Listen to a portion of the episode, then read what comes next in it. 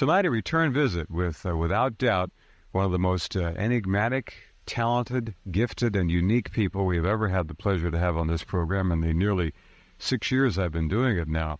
He is Ingo Swann, and uh, just about a month ago, Ingo visited for a couple of hours here and was so uh, provocative and unique. Uh, I asked him if he'd come back and do it again, and he uh, he said yes. So he's back tonight. For those of you who may not know much about Ingo Swann, I'm going to tell you so you'll have an idea. His new book, entitled Penetration The Question of Extraterrestrial and Human Telepathy, Extraterrestrials, Telepathy, Earthside and Space Side Visits to the Moon, Ultra Super Secret UFO Activities and Cover Ups, uh, just some of the things touched upon and revealed in the book by Ingo. Science itself felt uh, a small ripple when, in 1973, parapsychologist Dr. Gertrude Schmeidler reported the extraordinary success, the first of its kind ever, of a mind over matter experiment. Ingo Swann, using only his mind repeatedly, had been able to cause controlled temperature changes in a sealed, distant vacuum. It could now be seen that the human mind was capable of extending its powers beyond the confines of the brain. After 1974, Swann's participation in research became more vigorous.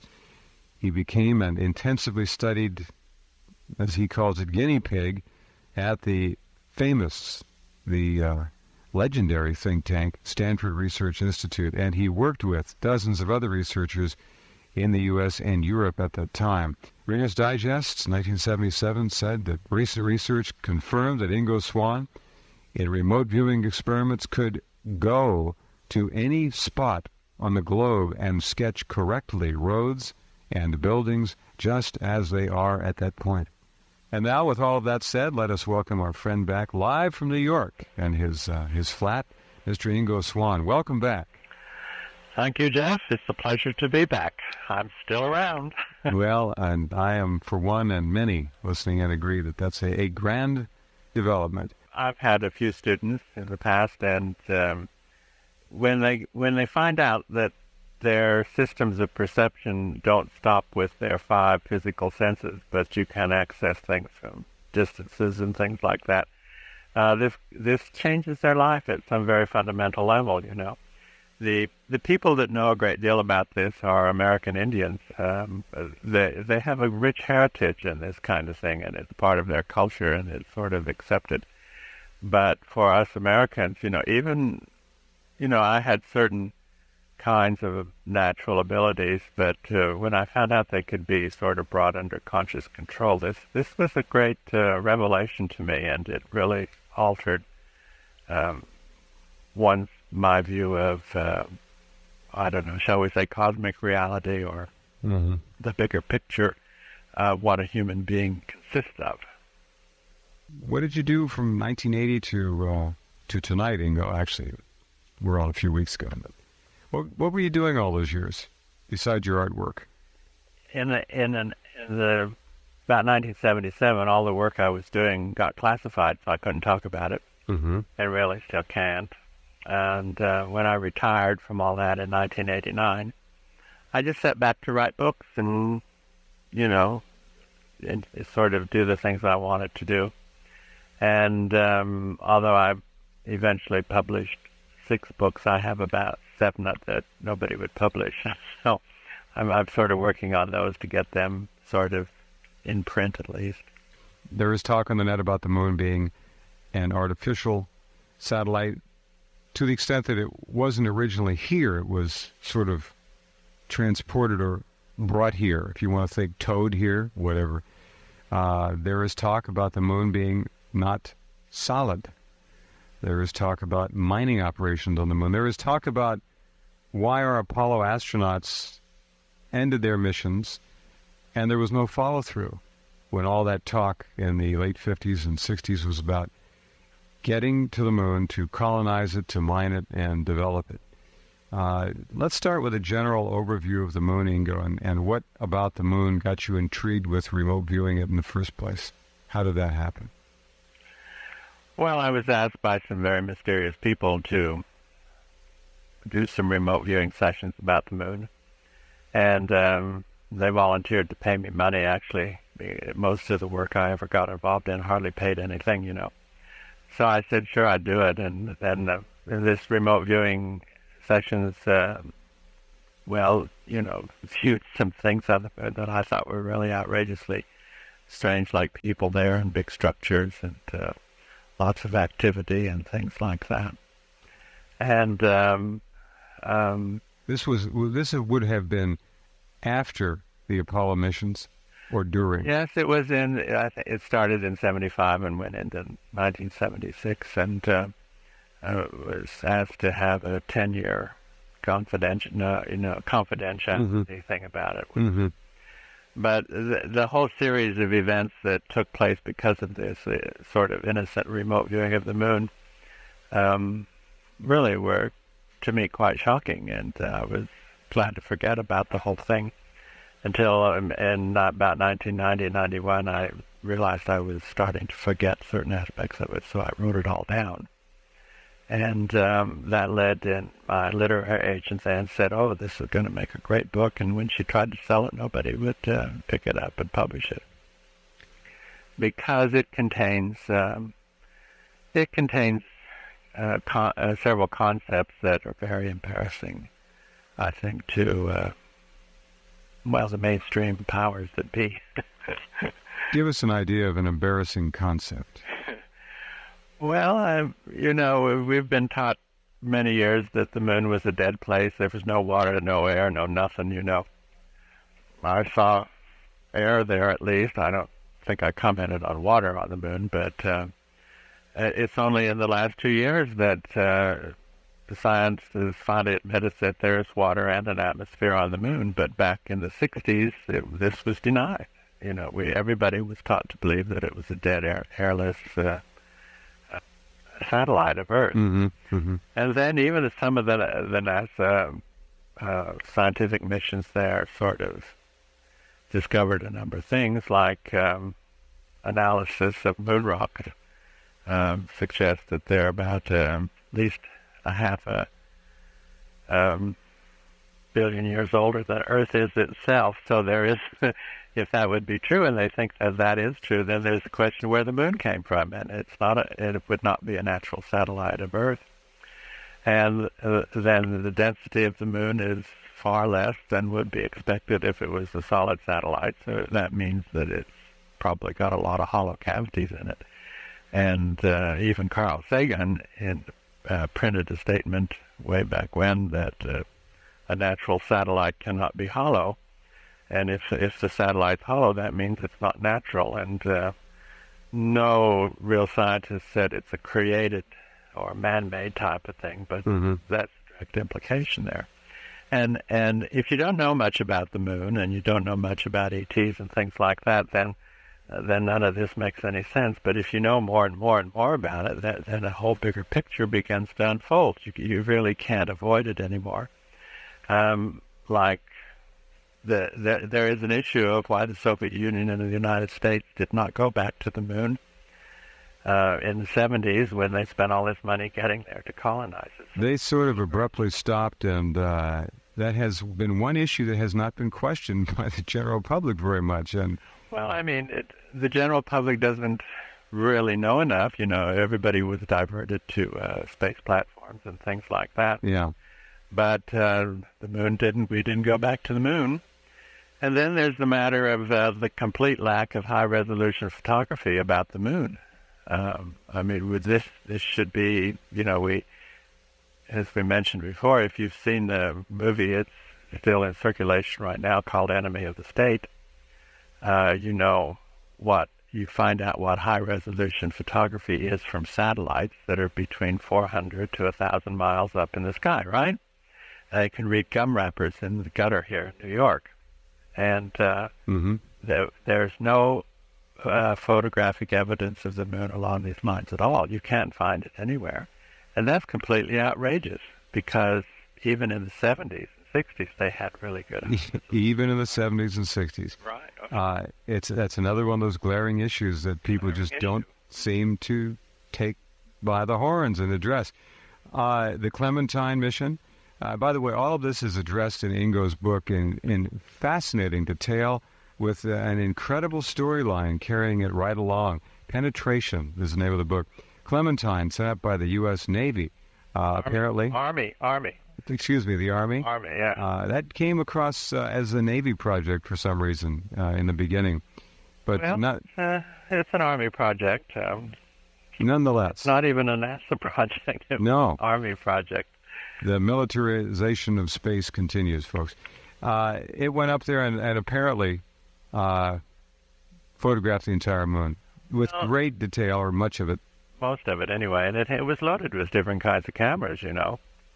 Uh, then uh, we came back, and um, uh, I mean, I read in the New York Times where they they were promising as high resolution photographs of the moon, but none have ever been released to this date. None. We have uh, a similar situation, a parallel situation with the Mars Global Surveyor and other Mars probes, which have apparently had uh, the ability to take some pretty high res snazzy photos, and we haven't seen many of them. We've seen kind of blurry things here and there. What's your feeling about that? There can only be one reason to withhold high resolution photographs of the moon and of Mars, um, because they reveal things that would probably um, cause us to have to re identify our position in the universe, if you Well- get what I mean. There's another one of those statements, folks. Yes, causes us to re-identify our position in the universe. In other words, quite clearly, if high-res pictures were made freely available of the moon and of Mars uh, at random, uh, random items would pop up that would uh, create some real public relations difficulties, shall we say? Well, it could create some philosophical ones too. Could indeed, and could create great bonanzas and uh, new awareness and all the rest. I'm not the first to imply that we're not alone in the universe. There was a great book written. Um, I mentioned it in my book uh, uh, by Walter Sullivan in 1964, and he based his observations on telescopic information and NASA photographs, you know, NASA information. And he wrote a book saying we're not alone. And um, and then, uh, uh, of course, uh, in in the 70s, um, um, George Leonard wrote a book saying, entitled "We Discovered Alien Bases on the Moon." So, you know, I'm I'm just a recent person along these lines here of trying to make these points here. I just did it from another viewpoint, uh, which is makes it a more intimate type of thing regarding us humans and hmm T's. And the connecting line, of course, is telepathic interaction with. Were those early books uh, impetus for Mr. Axelrod and friends to uh, get you to do some remote viewing of the moon? Something like that? No, I don't know because Mr. Axelrod was a very careful, regarded person, and he didn't tell me anything he didn't really have to. You know. Mhm. But I think that, um, well, I mean, scientists and government people have known that the moon is um, not what we're taught, and uh, You feel the, uh, excuse me, you feel the Apollo astronauts are well aware of that, don't you? well, I don't want to outthink Apollo astronauts. You know, I mean, they do have difficulties about secrecy oaths and things like that. But good heavens, you know, I mean, in my book, I present not a whole lot of evidence, but the evidence I put there means that, uh, you know, there's, there's just certain things that have to be the truth about the moon. Mm-hmm. And one of them is that there's activity going on there, and it's not just natural activity; it's consciously, intellectually controlled activity. And And, and that that that's just, I mean, the evidence along these lines is mountainous. it's now in this era of burgeoning UFO glasnost. He tells the story of meetings held at a secret underground facility not far from Washington, D.C., and of being taken to a remote location near the Arctic Circle to witness the expected arrival of a huge UFO over the surface of an Alaskan lake. And boy, when you read it, we read a little bit of that last time, and it's it's gripping to say the least. This book discusses undeveloped human telepathy and contrasts it with the probable existence of fully developed alien telepathy, which may have many different forms. Ingo also explores the fact that we officially know far more than we're admitting about the moon its origins, its atmosphere, its occupants, and many other unusual features. Penetration is about one of the means by which we can learn more about those not of this earth, and vice versa. Okay, Mr. Swann, you talked about some things more than provocative at the end of that last hour. People on the moon, the end of the Apollo program. People on the moon. What kind of people? My estimation is no. I think that, well, uh, I mean, I'd have to go on the data that I can gather up and put together, and uh, to me, this means that it's not us Earthsiders who've done this, but uh, ETs. And there's no reason why ETs shouldn't be humanoid like ourselves. After all, these are very wonderful biological body forms and uh, uh, everything like that. In fact, mm-hmm. but you know, I'm I'm not the first to see humanoids. The other issue about the moon is we have a historical record going back decades of people seeing lights on the moon, uh, objects, large objects moving across the illuminated surface, or what appears to be that. Yes. So they moving across the lighted surface area of the moon. Yes. Uh, and all of these things together would certainly paint a much different picture of the moon that we are commonly fed. What's going on up there, Ingo? Is it is it perhaps? Did you have a sense of uh, geological work, uh, mining, uh, development, staging? Well, I myself didn't have that particularly in my what I call my experience of the moon, but others have said that that uh, one of the reasons why there would be any interest in the moon is because uh, maybe it's a, some kind of a space base to begin with, mm-hmm. and uh, that there's a lot of uh, geological activity which seems to be going on, which Earthsiders interpret as mining or something like that. Uh, I don't have any answers for that, any real answers, uh, and if, if uh, Fred Steckling in his wonderful book. Um, mm. We discovered alien bases on the moon. I mean, he does a really great job.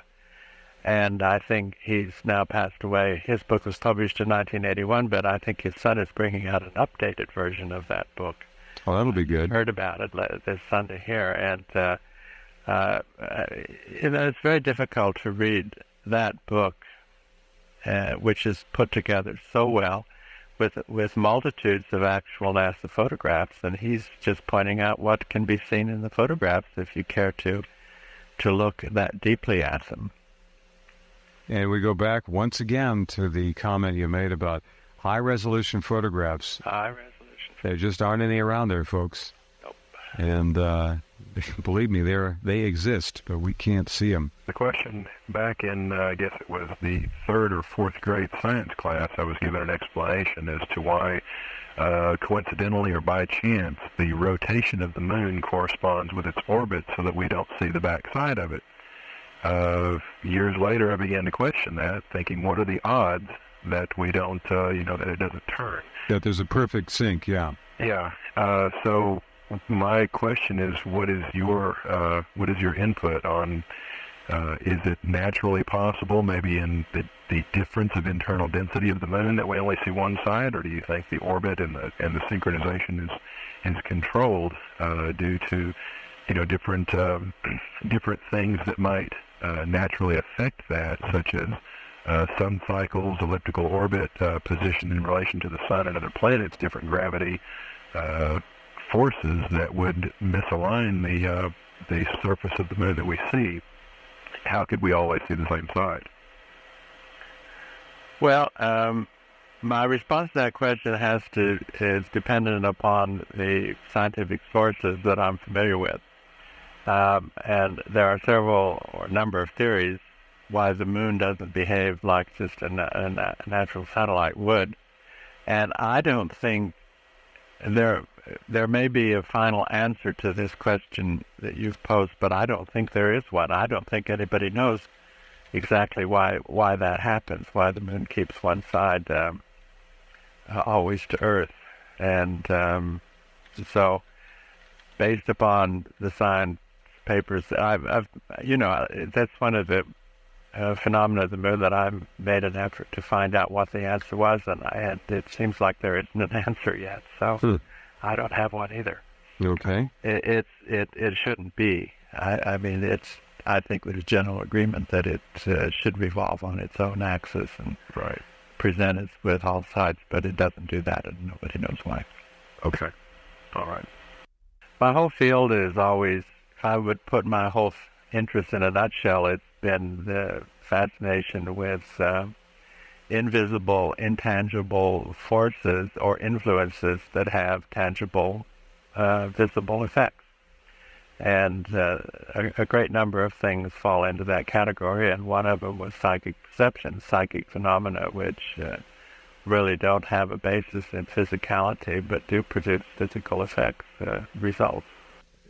The issue of ET, uh, telepathy, control influencing us uh, individually in groups en masse is a, a, very important one. How do we approach that with uh, an understanding that many of the people out there don't believe uh, in ETs necessarily?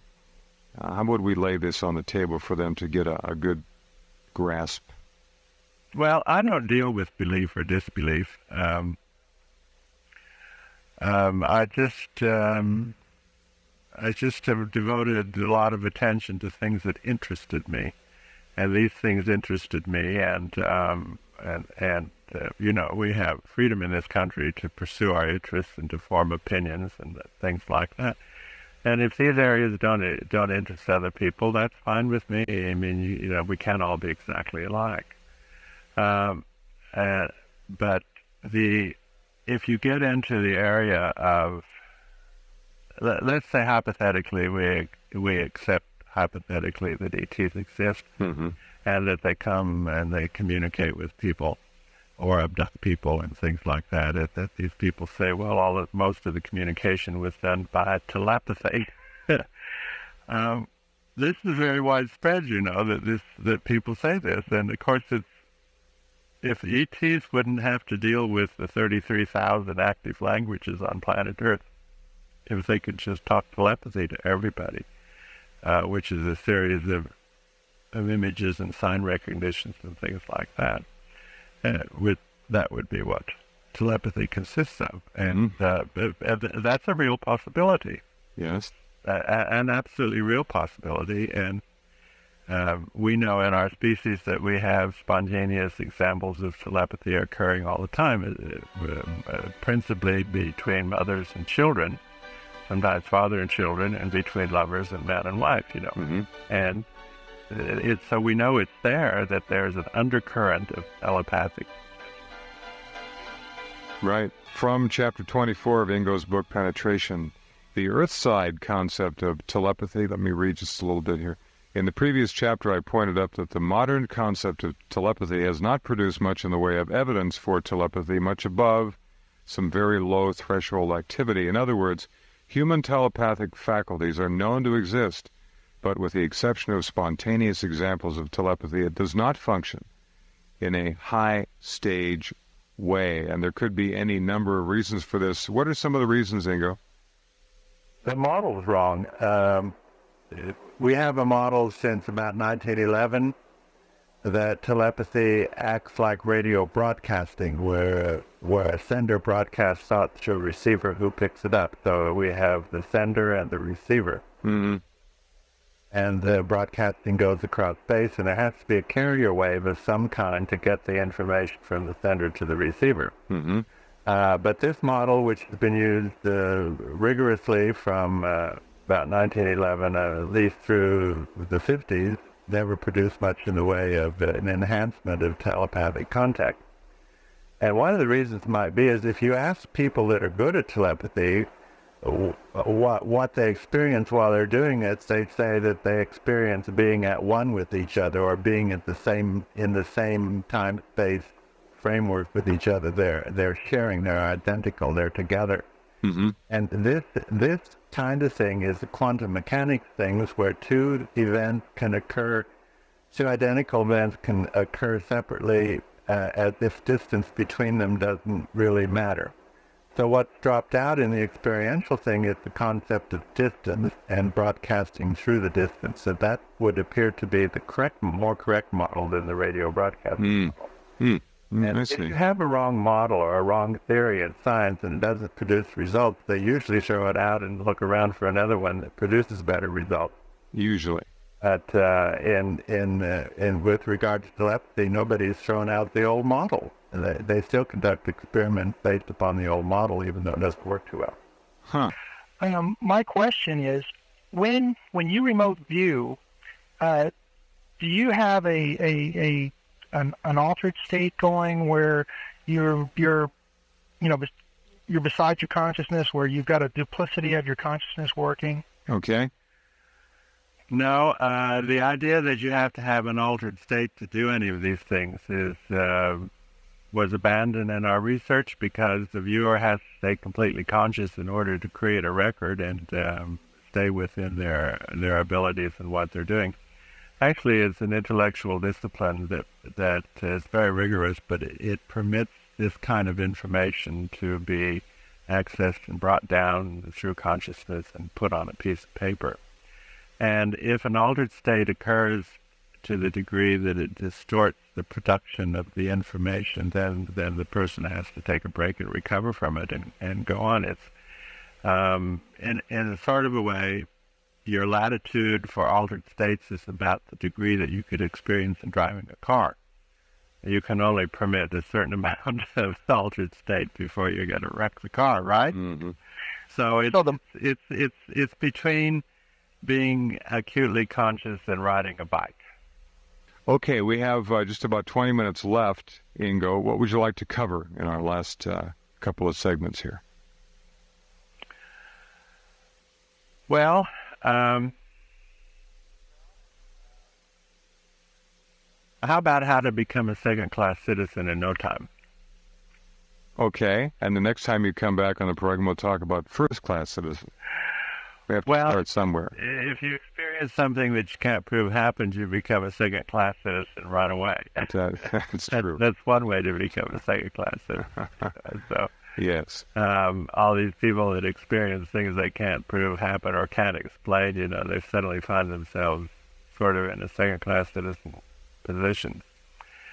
And um, this this includes the whole of parapsychology in terms of the rest of the conventional world, you know. And uh, people who've been uh, seen UFOs, they fall into that category, and uh, it's just really if you look at it from that viewpoint, um, people are reluctant to talk about what they can't explain or prove because it makes them a second-class citizen right away. Mm-hmm. Mm-hmm. Possible, but I've, it, it it's within my acceptance reality that there were there was um, they did go to the moon and things like that. It's also quite well known that they stopped going to the moon and they left three Apollo uh, setups rotting away on the launch pads down there. You know, I mean, it's, it's, they just abandoned them. There were supposed to be 21 Apollo flights, I think, or something like that. And they just forgot the last three, which is a terrible waste of money. And if if um, boondoggling America just kept funding coming, they wouldn't have stopped um, uh, having an interest in going to the moon. But you know, there's a lot of chicanery everywhere, and um, it's very hard to, to wheedle one's way through it all.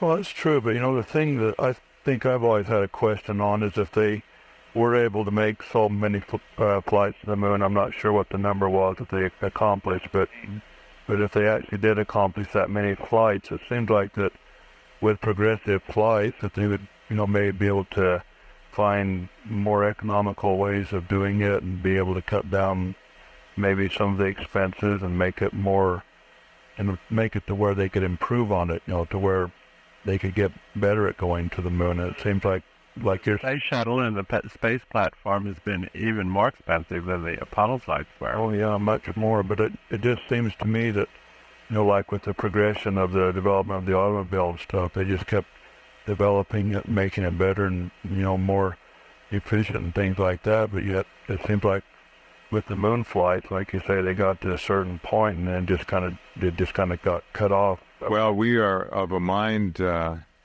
Brad, that, that we may have been told to sort of cut it off.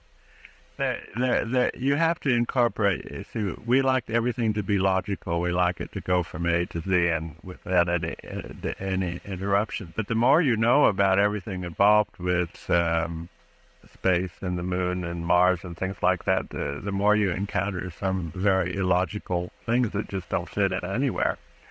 And it's up to grabs to explain these illogical things, and that's up to the individual, I think. There, there's no one answer to everything here.